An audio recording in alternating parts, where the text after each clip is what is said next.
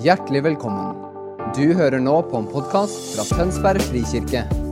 Talen er tatt opp på vår gudstjeneste søndag på Brygga i Tønsberg.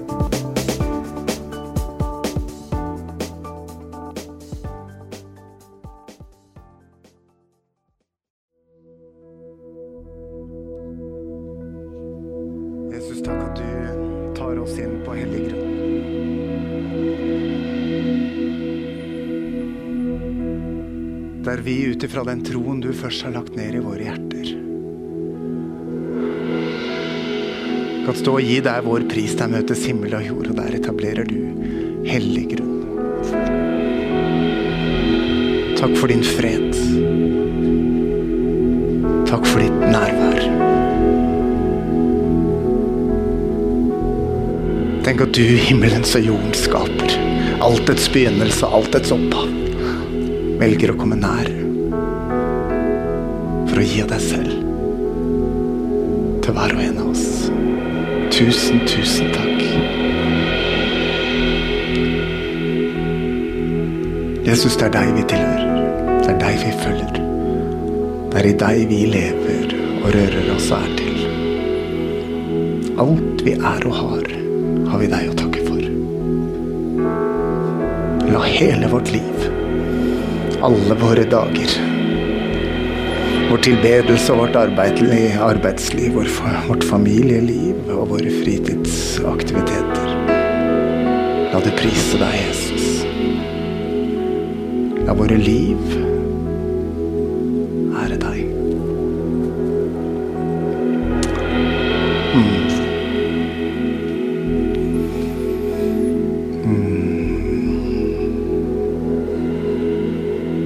Kjenner meg, han vet at nå har ikke jeg lyst til å preke i det hele tatt. Nå har jeg lyst til å bare bli her, men jeg skal preke, altså. Du, Håkon. Jeg har konfirmert den gutten, jeg. Han er ikke gutt lenger. Vi har gått sammen lenge. Og det å høre deg dele er en hel preken i seg selv, Håkon. En hel preken i seg selv. Tusen takk for at du tar oss med. Takk skal dere ha. Dere skal få lov til å hvile litt, så skal jeg skal jeg gjøre det jeg skal, og så kan dere få komme opp igjen etterpå. Lykke til, ja. Lykke til.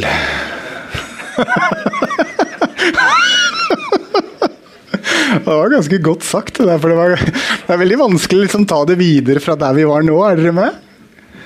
Eh, fordi, og, og, og det er et eller annet em, Jeg skal komme tilbake til det, jeg kommer bare til å vise til det. Men dere, det er et eller annet som skjer når ærlig og modig vitnesbyrd om erfaringer av det livet vi har levd sammen med Gud, får lov til å folde seg ut mellom oss, sånn som vi fikk erfare det nå med Håkon. Så, så gjør det noe i oss. Det skaper. Vi merker det. Dere, vi holder på tredje søndagen ut i det nye året på et eh, tema som vi skal følge hele denne våren. Vi tror på Jesus Kristus.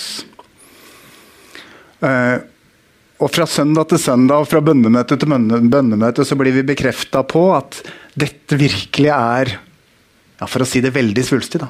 Det ånden taler til menigheten. Det er det som ligger på Guds hjerte for oss i denne sesongen. Å ta oss helt tilbake til det helt sentrale. Det som samler oss. Det som er ufravikelig. Det som er både utgangspunktet, men også fokuset og målet med alt det vi er som kirke og menighet. Nemlig etterfølgere av Jesus. Vi lever i han, med han og for han. Og alt annet blir på en måte appendiks. Det er først og fremst og først og sist det samme. Og Enten du har snubla inn her og ikke riktig vet hvem Jesus er, eller du følger oss på Frikirken TV og ikke vet hvem Jesus er, så er startpunktet der. I å si ja til troens gave, og derfra utover folder det seg ut et landskap som du ikke kjenner til før du har sagt ja. Men idet det begynner å folde seg ut, så skal jeg love deg, det er den mest vakre reisen du kan velge. Og hele poenget med å sette 'Vi tror på Jesus Kristus', dere, er fordi og jeg elska innledningen deres. Um, minnesteinene. Vi, vi vil ha vitnesbyrdene. Men det var ikke Josva alene sitt sine minnestener. Det var ikke noen av de andre alene sine minnestener. Det var Israel sine minnestener. Og Derfor vi tror på Jesus Kristus. For ditt vitnesbyrd er vårt vitnesbyrd. Min erfaring er vår, din erfaring. Vår felles vandring gjør til sammen at vi kan begynne å si vi tror på, vi bekjenner oss til, vi lever med Jesus Kristus den oppstanden i vår midte. Og dette er det vi har sett på vår vei. Dette er det vi har hørt og det vi har erfart. Og, og jeg har sagt det før, Denne våren vil vi veldig gjerne høre vitnesbyrdene nettopp om livet sammen med Jesus. Og Det kan være the good, the bad and the ugly. Det er helt fint. altså. Alt sammen går. Fordi at livet er akkurat sånn. Mangfoldig. Det er på oppsida og på nedsida. Og det er på det gjennomsnittlige. Og midt i og gjennom alt det der er livet vårt forankra i å koble på Jesus Kristus. Og vi ønsker å høre om det. Og så er det utrolig viktig at vi i denne tida, som i veldig stor grad går veldig på det subjektive, at vi gir en motvekt. Vi hører vitnesbyrdene. Men det som virkelig forener oss, det er at hver og en av oss har fått troen som et pant i våre hjerter. Og det drar oss nær Han, og det forener oss. På tross av alt. På tross av alt. Og så er det vi som må velge, når det av og til utfordrer oss, om vi blir stående i den virkeligheten og velge hverandre på tross av alt. Men Gud gir oss nåde til det. I dag så er det Jesus Kristus som sann Gud og sant menneske som er spissinga eller tema. Men allerede i bønnemøtet og gjennom lovsangen i dag så ser jeg det er en veldig rød tråd. Og det skal bli klart for dere. Det, det er jo, det er jo trosstandpunkt, og det er helt sentralt for vår tro. For i motsetning til all annen tro, all annen religiøsitet, all annen antagelse om eller tillit til at det fins noe mer enn det vi ser og hører Alle andre religiøse retninger handler om at hva vi skal levere, hva vi skal prestere, hvilke øvelser vi må ta, hvilke stillinger vi må sitte i, hvilke prestasjoner vi må ha for å oppnå noe bedre der fremme. Vi som kirke er alene om å ha troen på en Gud som kommer oss i møte. Som springer etter oss. Som gjør alt klart i kjærlighet før du og jeg har fått lov til å velge å si ja en gang så forspiller han alt, så øser han ut alt for vår skyld. For at nådens valg og kjærlighetens invitasjon skal få stå foran hver og en av oss hver eneste dag. Og hvert menneske som enda ikke kjenner han. Hvis Jesus ikke hadde valgt å bli menneske, så hadde han heller ikke kunnet knytte det menneskelige sammen med det himmelske. Gud med oss. Det var det han ble. Og jeg skal straks lese, og dere kan slå opp i Bibelen. Det har jeg også sagt til dere ved innledningen her. Ta gjerne med Bibelen denne sesongen. Vi skal bruke boka. La det knitre i ark. Ja. Hør Salme 103 til innledning før vi skal gå videre. Han gjengjelder ikke våre synder, og han lønner oss ikke etter vår skyld. Så høy som himmelen er over jorda, så veldig er hans miskunn over dem som frykter ham. Så langt som øst er fra vest. Hvor langt er det? Så langt som øst er fra vest, tar han våre synder bort fra oss. Som en far er barmhjertig mot barna sine. Slik er Herren barmhjertig mot dem som frykter ham. Og Vi strever litt på norsk med dette ordet frykt akkurat der. For vi tenker på det som redsel og gru. Men frykt er erkjennelse av, overgivelse til og tillit til at Gud i sannhet er den han sier han er. Og i det kommer en sunn gudsfrykt, som ikke har så mye med redsel å gjøre, men som har med ærefrykt og ærbødighet å gjøre. Ja, To andre gamle ord da, som vi ikke bruker så mye mer. Men det er viktig å parere det. Ok. Slå opp i Johannes evangeliet, så skal vi høre de første 18 versa i Johannes evangeliet skal vi lese sammen. Og de er en preken i seg selv. I begynnelsen var Ordet. Ordet var hos Gud, og ordet var Gud. Han var i begynnelsen hos Gud. Alt er blitt til ved han. Uten han er ikke noe blitt til. Og det som ble til i han, var liv. Og livet var menneskenes lys. Lyset skinner i mørket, og mørket har ikke overvunnet det. Et menneske sto fram utsendt av Gud. Johannes var navnet hans. Han kom for å vitne. Han skulle vitne om lyset, så alle skulle komme til tro ved han. Selv var han ikke lyset, han skulle vitne om lyset.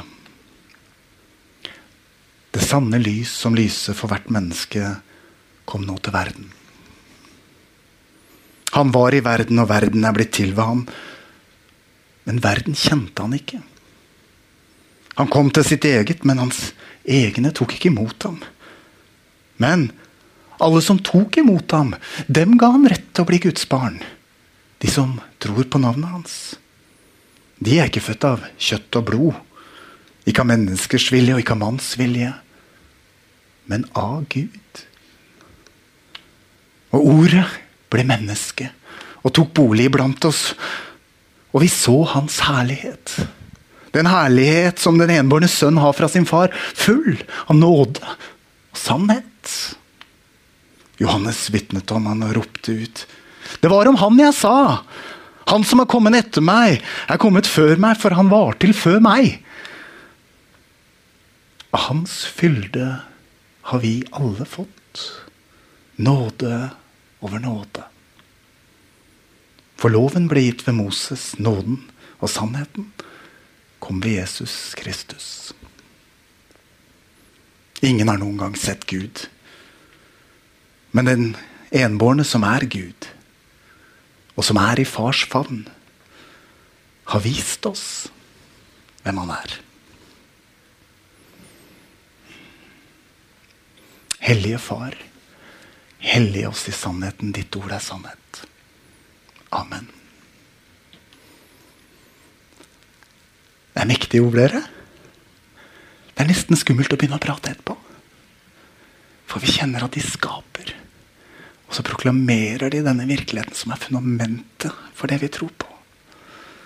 Religion er menneskelig strev for å tilfredsstille Gud. Kristen tro er budskapet om Gud som fant veien til deg og meg, til oss mennesker, for å knytte oss til seg og til evigheten. I denne Johannes-prologen, som er full av åndelig liv og full av åndelig sannhet, så er det som jeg sa, det er nesten skummelt å begynne å snakke. Men teksten er supertydelig på at Jesus knyttes uløselig sammen med det faktum at han er Gud. Han viser oss hvem pappa Gud er. Og så tar han del i og blir som en av oss. Og Hodet vårt får ikke dette til. Eneste grunn til at vi klarer å holde dette som sant, dere, er fordi vi har tatt imot troens gave, og det er landa i våre hjerter, så vi kan si ja og amen til det. For for hodet går ikke dette opp.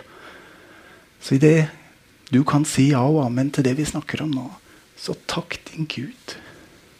Det er bare på grunn av Han at du kan si ja og amen til dette.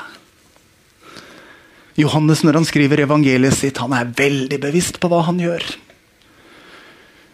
For de som kjente Han skriver ut i den greske verden, og for de som kjente eh, Gamle testamentet, de jødekristne ute i provinsene, så, så, så runger Johannes-prologen av skapelsen. Hva er det som skjer nå? Jo, alle som hadde referansen, som har lest Septuaginta, den greske gamle testamentet, skjønte at wow, her er det skapelse og nyskapelse som finner sted. Det er det Johannes proklamerer. At idet Jesus kommer og tar bolig blant oss, idet han kommer til jorda, så skaper Gud noe nytt. Det gamle er borte, og noe nytt er til. Profeten hadde sagt det for lenge siden, men det er i Jesus Kristus at dette skjer. Og at det finner sted. Gud kommer for å bli som en av oss. Og det er helt nødvendig for at vi igjen skulle bli kobla til å leve i fellesskap med Gud. Fordi faktum var, og er, at utenfor Jesus så har mørket makt og innflytelse til å skille oss fra Han på en sånn måte at Og det koster meg litt å si det, men det er sant. Selv det menneskelig talt mest oppreiste liv, fylt av miretter og flotte CV-er, er et liv som går mot død. Hvis du ikke har tatt imot Jesus og troens gave. Da har du din tilmålte tid, og så går det mot død. Er dere med? Dette er virkeligheten. Men idet vi får lov til å ta imot troens gave og ta imot Jesus Kristus, så nyskapes våre liv. Og så settes vi i stand til å leve livet som han hadde tenkt det for oss. Det er derfor det ikke handler om å synde mest mulig på nåden for å utvide og tillate mest mulig. Det handler om å i størst mulig grad å ta imot nåden i sannhet til nytt liv etter hans gode vilje og intensjon for oss. Bare fordi Jesus gikk veien først, levde fullkomment i fellesskap med far, fylt av Den hellige ånd, så kunne han gå veien til korset. Og idet han dør det jeg, Jeg skulle ha forberedt det, det kommer til meg tanken når jeg hørte sånn heavy metal-band eh, dramatisere eller spille dette her. Kanskje noen av dere husker hva jeg snakker om? Da må dere rope ut. Men idet Jesus dør på korset, så dras det de råeste riffa på gitaren som symbol for at mørket tenker at nå vant vi. Det er bare det at det var ikke sånn det var. For den tredje dagen så viser Gud hvem han er. Så har han gått inn i menneskelighet og tatt med seg menneskelighet gjennom død og til nytt liv. Så at døden ikke lenger har noen makt for hver og en som er i Kristus Jesus.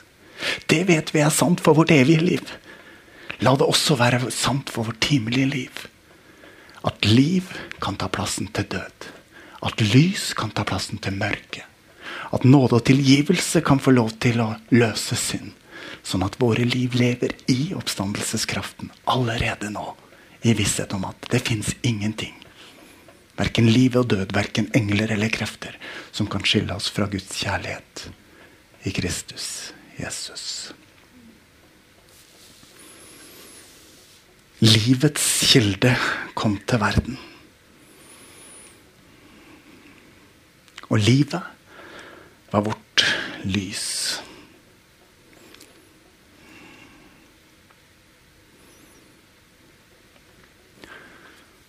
Vi har tatt nattvern sammen. Blodet var det som jødene ikke skulle spise fordi det bar liv i seg. Livet som pulserer i vår kropp, er avhengig av blodet.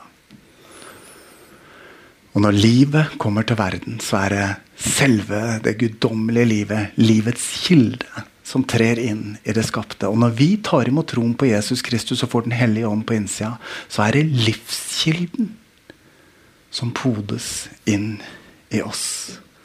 Og Derfor er det ikke til å undre seg over jeg, Dere var som ledelsen, tror jeg, når dere åpna i dag. For Derfor er det ikke til å forundre seg over at Jesus sitt liv, når vi leser i boka Det omgis av tegn og under og mirakler på alle kanter. Hvorfor? Fordi at livet hadde fått kropp. Fordi at himmelsk skapervilje og opprinnelig intensjon og skjønnhet med det menneskelige hadde fått kropp og gikk synlig rundt. Og hvert eneste sted hvor mørket hadde gjort sin innflytelse, enten det var synd eller brutte relasjoner eller sykdom, så kom han med gjenopprettelse og legedom. Hvorfor? Fordi livet var kommet. Og hvert eneste mirakel og tegn og under som fant sted og utspant seg rundt Jesus, var nettopp det. Et tegn. Et tegn som skulle vise til at den evige framtiden som er for oss, allerede har kommet inn og har begynt nå. Ikke fullt og helt, men allikevel helt reelt. Og det er her våre vitnesbyrd om en mektig Gud som griper inn og berører våre liv, passer inn. 1. Johannes 5,4 sier Slå det gjerne opp hvis dere vil. Jeg har laga huskelapper, så jeg blir nok litt kjappere enn dere. For alt som er født av Gud, seirer over verden. Og det som har seira over verden, er vår tro. Er vår tro. Ikke vår erfaring. Vår tro. Fordi det er troen som åpner våre liv og våre virkeligheter for Guds virkelighet, sånn at himmel møter jord, sånn at himmelsk mulighet møter menneskelig begrensning og endrer vilkårene, sånn at det som ikke var mulig for mennesker, likevel blir mulig fordi det ikke lenger bare er mennesker, men Gud i oss som gjør det mulig. Er dere med?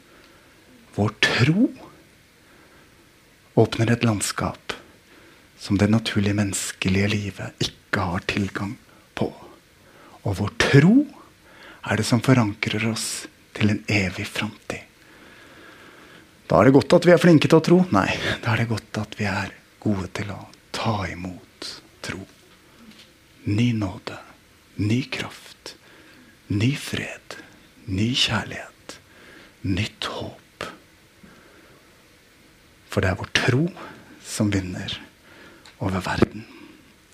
Lyset skinner i mørket, og mørket har ikke overvunnet det. Før jul snakka jeg en del om nettopp kontrasten mellom lys og mørke. Da ut ifra Johannes 12, som er på en måte midtpunktet i Johannes-evangeliet, hvor han oppsummerer litt det han starta med i begynnelsen. I dag er vi i begynnelsen, før han gikk videre. Og jeg malte ut for dere det, at dere, som, som troens folk, så må vi våkne opp til den åndelige virkeligheten som er reell. Det finnes ingen nøytral sone. Og det er litt interessant. Um, John Mark Homer, som jeg vet mange av dere leser og er inspirert av.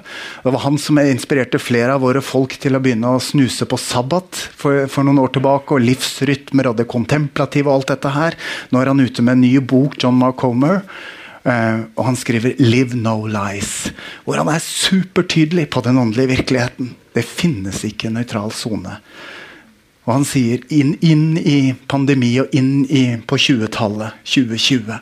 Hva er det som skjer, og hvorfor går alle rundt med en rastløshet og en opplevelse av at vi stadig skulle vært et annet sted, eller er på feil sted, eller har kommet til kort, eller burde ha gjort noe annet, eller osv. Dere får putte dere inn der dere passer. Hva er det som gjør det? Når alt på utsiden egentlig er helt ok. Vi har våre hus og våre hytter og våre biler og våre formuer og våre planer, og allikevel er det en hast og en nød. Kanskje, sier John McCommer, som altså kommer ut fra Portland i det mest sekulære USA, men som har begynt å lese boka så mye at de begynner å ta den på alvor. Kanskje er det fordi vi er i krig. Jeg lar den boka ligge og går ikke mer inn på det. Men dere, i Johannes-prologen så proklameres det at idet Jesus kommer inn i verden, så er det en krig som starter. En konfrontasjon mellom lys og mørke. Og den er reell. Den var det i Jesus Kristus, og han vant en endelig seier. Men den konfrontasjonen mellom lys og mørke vil, les boka, pågå inntil han kommer igjen og konfrontasjonen opphører og seieren er endelig. Kanskje må vi, akkurat på vår vakt, være våkne.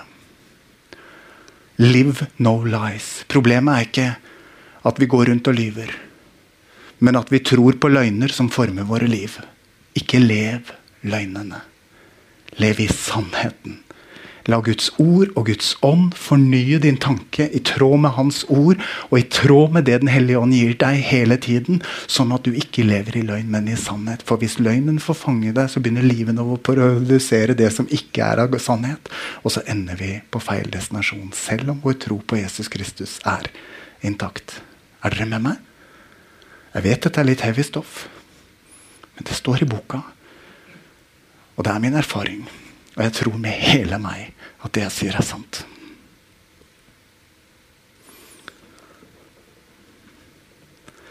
Det gode evangeliet i dagens budskap, i, i første kapittel i Johannes evangeliet, er at mørket har ikke overvunnet det lyset som kom. Hver eneste dag har vi muligheten til å velge mellom lys og mørke, død og liv. Og Jesus kom for å gi oss liv. Tro og håp i og gjennom og under alle omstendigheter.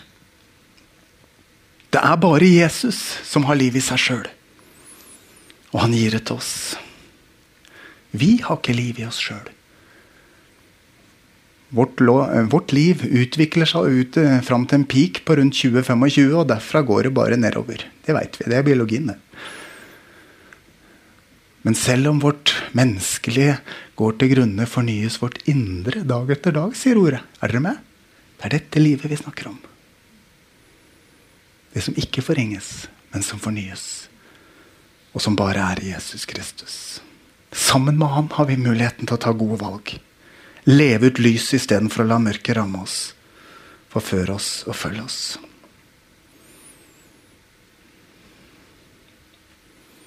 På en og samme tid.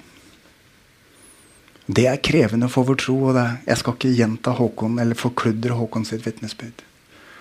Men på en og samme tid kan vi være fullt overgitt til Gud og erfare at livet vårt rammes. For vår tro er ikke knytta til våre livs omstendigheter. De er knytta til Han og den Han er. Og det håp Han bringer inn i alle omstendigheter. Var det ikke sånn, så ville vitnesbyrdet fra den forfulgte kirke være helt umulig. For de vitner om en fred og en trygghet i Kristus mens de på det mest brutale betaler en pris for sin tro. Følger dere med?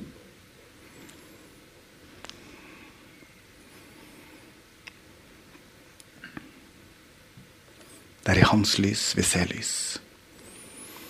Og så er løftet at alle de som tar imot ham, for hver og en av oss som har tatt imot ham, og for de av dere som fremdeles har muligheten til å ta imot ham, så gjelder det at vi får retten til å bli Guds barn. Og Det har jeg lyst til å snakke litt om, for dette ble veldig sentralt på bønnemøtet også. Retten til å bli Guds barn. I Romerne 8,15 der står det noe som jeg skal lese for dere.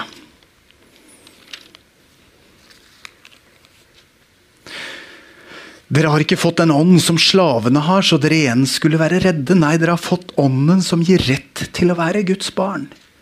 Den som gjør at vi roper 'Abba, far'. Dette må vi få på plass, dere. Ethvert menneske er skapt av Gud, men ethvert menneske er ikke Guds barn. Det er ved tro vi adopteres til sønnekår med vår himmelske far. Er dere med? Det, det fins mye teologi her ute som forkludrer dette. Og som tåkelegger dette, men det er ikke bibelsk. Jeg trenger å si det til dere. Ethvert menneske er skapt av Gud, ville av Gud. Men det er bare når vi tar imot troens gave og blir født på ny ved Den hellige ånd, at vi får den ånd som gir rett til å bli Guds barn. Det hadde vært helt meningsløst å snakke om en rett hvis alle bare var automatisk kobla på. Retten er noe vi kan innfri. Og Den engelske oversettelsen hjelper oss. For der står det For you have not received the spirit of bondage to, uh, again to fear, but you have received the spirit of adoption. Det ordet skjønner vi. Spirit of adoption, whereby we can cry Abba, far. Det betyr dere at uten Jesus så er det ingen av oss som har rett og krav på noe som helst. Men i det øyeblikk vi tar imot troens gave, og Den hellige ånd tar bolig i vårt hjerte, og vi kan si vi tror på Jesus Kristus, så adopteres vi inn i Guds familie. Og så får vi fulle barnekår. Fulle rettigheter som sønner og døtre. Og det finnes ingen forskjell mellom oss. Alle er på lik linje. Men teologien om at ethvert menneske, uavhengig av tro, har et evig håp foran seg fordi Gud er god, ja, det stemmer ikke med det Gud selv sier til oss i ordet.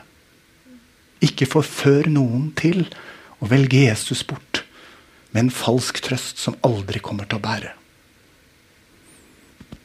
Jeg kjenner jeg blir litt tung nå. Dette sto ikke i manus, men dette er viktig for meg å si. For det er sant. Hmm. Men alle de som tok imot ham, dem ga han rett til å bli Guds barn. Og dere, Når vi får dette på greip, så blir det ikke så lett for oss å stille krav til Gud heller. Fordi at i utgangspunktet hadde vi ingen krav å stille. Poenget er at han etterjaget oss med sin kjærlighet. Greip oss med sin nåde. Fylte oss med sin ånd og gjorde oss til sine barn. Hvem er vi da til å komme og si Ei, hvor blir det av det du skulle gjøre i mitt liv for at jeg skulle få det så bra som jeg hadde tenkt at jeg skulle ha, når du ikke signer inn? Hvem er du da? Da tror jeg jeg snur ryggen til deg. Noen som kjenner den tankegangen? Ja, Vær ærlige, dere. Ja. Men vi har ikke den retten. Det er ikke den retten som gis oss. Retten som gis oss, er til å bli kobla opp igjen til en himmelsk far som har en evighet i godhet og kjærlighet for oss. Og Det er et privilegium. Det er rart, dette her med privilegier, dere. Så lenge vi har de, før vi har de, så blir vi veldig glad når vi får de. Når vi har hatt privilegier lenge nok, så blir vi veldig ergerlige når vi mister de. Er dere med? Hvis du har fått oppgradering og fri launch på flyplassen I begynnelsen så elsker du det, og du cruiser inn, og du tar deg mat og drikke, og du koser deg. I det øyeblikket cashpointa ikke har strukket til lenger, og du plutselig blir access denied, da blir du gretten. Ja, hva er det? Det kalles på godt norsk entitlement. Kravsholdning. Jeg har rett til. Du og jeg har blitt godt vant, og så får vi entitlement. Kravsholdning. Dere, akkurat den samme mekanismen kan gjøre seg gjeldende i forhold til Gud. I utgangspunktet hadde vi ingenting. Og så har vi fått allting.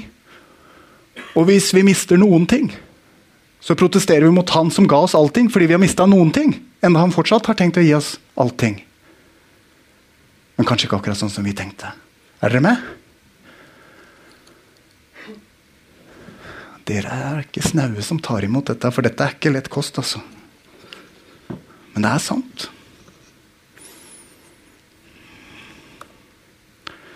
Og ordet ble menneske og tok bolig iblant oss. Og det er her jeg skal lande inn, tror jeg. Jeg har mer, men jeg skal lande her. For det har vi vært i dag, både på bønnemøtet og i lovsangen. På gresk så står det Ordet ble menneske og tabernaklet iblant oss. Ordet ble menneske og slo opp sitt telt imellom oss. Og igjen, for alle som var kjent med Det gamle testamentet, så visste de at her er det nærvær i Edens hage. Nærvær i telthelligdommen. Nærvær i tempelet. Som nå får sin fullendelse i at Jesus kommer i menneskelig kropp og slår opp helligdomsteltet midt iblant oss. Er dere med? Og for hver og en av oss som tror, så trenger vi ikke lete etter Guds nærvær. Hans nærvær er i hans tempel, som er hans kropp. Som er huset av levende steiner. Som er fellesskapet av de troende. Enten vi erfarer det, føler det, eller ikke. Det avgjørende er ikke vår følelse og vår evne til å oppfatte. Det som seirer over verden, er vår tro. Og når vi går inn i tilbedelse i tro, så trer vi inn i den virkeligheten som ikke var tilgjengelig uten. Og så erfarer vi at skaperkraft og forvandlingspotensialet blir tilgjengelig på en måte som vi ikke alltid kan forutse og forstå. Da Moses fikk muligheten til å gå inn i det løftede, eh, lovede landet, da hadde han og Gud hatt en liten issue. Vi er i andre Mosebok 33 for de av dere som har lyst til å slå opp. Og Gud sier nå er jeg lei. Jeg skal sende en engel foran dere, og så kan dere gå inn i det løfteslandet aleine. Og Moses sier hvis ikke ditt nærvær går med oss, så går vi ikke. Hva er det Moses har grepet? Han har grepet at det er der, i Guds nærvær, i strømmen av livet fra Han, i Hans lys, Det er der det egentlige livet er. Når Moses, som ikke engang hadde fått Den hellige ånd på innsida, skjønte dette, hvor mye mer skal ikke vi som troens folk i den nye pakt, som har fått Den hellige ånd på innsida, som altså har fått Gud selv installert? Si, Gud, jeg går ikke noen vei. Jeg inntar ikke noe område. Jeg inntar ikke noe land som ikke du ved ditt nærvær velsigner og leder meg inn i og åpner for meg. Det er så mye vi kan gjøre i egen kraft. For vi er så ekstremt privilegerte og har så mange ressurser og kan få til så mye. Men det er bare det vi gjør med Han, som bringer velsignelse.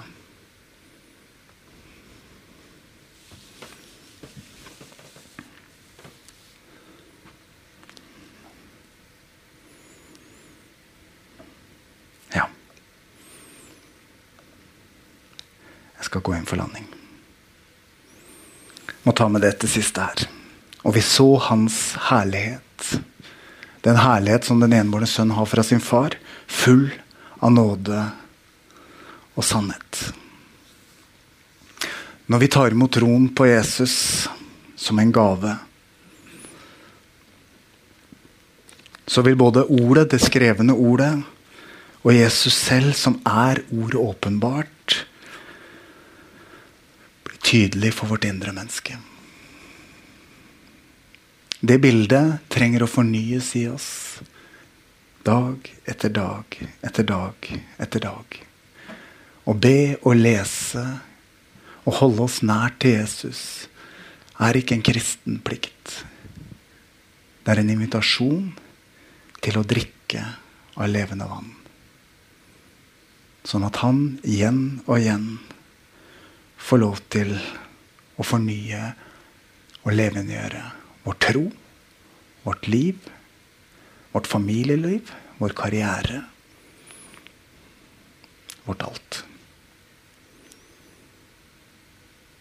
1. Peter 1,3 sier Lovet være Gud, vår Herre Jesu Kristi Far. Han som i sin rike miskunn har født oss på ny til et levende håp ved Jesu Kristi oppstandelse fra de døde. Til en arv som aldri forgår, aldri skitnes til og aldri visner. Den er gjemt i himmelen for dere, dere som i Guds kraft blir bevart ved tro, så dere kan nå fram til frelse. Alt ligger ferdig til å bli åpenbart ved tidens ende. Jesus er sann Gud og sant menneske. Det finnes ikke en avkrok i menneskelig erfaring han ikke kjenner til. Og han har all makt i himmel og på jord, og han har gjort alt som er nødvendig for at vi skal bli bevart i tro. Nå fram til frelse. Og han forteller oss at den ligger allerede klart ved tidens ende. Vi lever i en særskilt tid. Kulturen vår endrer seg raskere enn noen gang. Presset på kulturen er veldig annerledes for de av oss som nå Jeg går i mitt 50. år, blir 50 til sommeren. Jeg har levd så lenge at jeg husker at Kirken hadde en helt ubestridt og selv, selvsagt posisjon i samfunnet. Det har den ikke lenger. Tidene skifter. Og vi må følge med. Det betyr ikke at Gud er på vikende front. Men det som en gang var akseptert og selvsagt for mange, er det ikke lenger. I denne sesongen er det utrolig flott det romerne 8.15 sier om at vi har fått spirit of adoption og barnekår, så vi kan rope 'Abba'. Og når jeg ble minnet om det i mine forberedelser, så har Eivind, vår, vår, vår professor, holdt jeg på sagt, han, er, han leser mye, han hadde akkurat fordypa seg i nettopp Abba-ropet i Bibelen. Og så sier han at det han har lært og lest, det er nettopp at Abba-ropet ikke bare var den intime pappa benevnelsen som man brukte i en intim relasjon. Men på de stedene i ordet hvor de forekommer, så er det rop ut av krevende situasjon og ut av smerte. Rop i tillit. Et troens rop som kobler på Guds muligheter for gjennombrudd, for å komme igjennom. Uansett hva du står i. Jesus er sann Gud og sant menneske. Han har gått veien for oss, foran oss, for at vi skal følge etter ham. Sånn at ingen av våre veier blir umulige. For i Han som går med oss, så vil vi alltid stå rota i håp. Og håpet svikter ikke, for Guds kjærlighet er utøst i våre hjerter. Jeg ber en bønn, og så kan lovsangstimen komme opp. Kjære Herre Jesus. Det er i deg vi lever, rører oss og er til. Takk for troens gave. Og takk at uansett omstendigheter så er det vår tro som seirer. Takk for troens gave.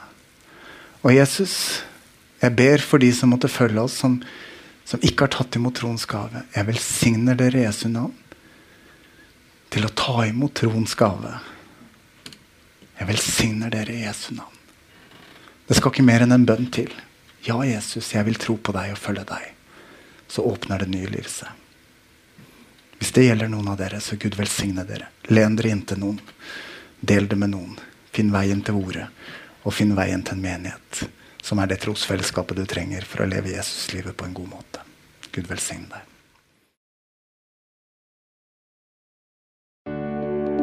Takk for at du hørte på vår podkast. Har du spørsmål eller ønsker du å vite mer? Søk oss på vår nettside tonsbergfrikirke.no. Du er også velkommen til kirke på Brygga i Tønsberg.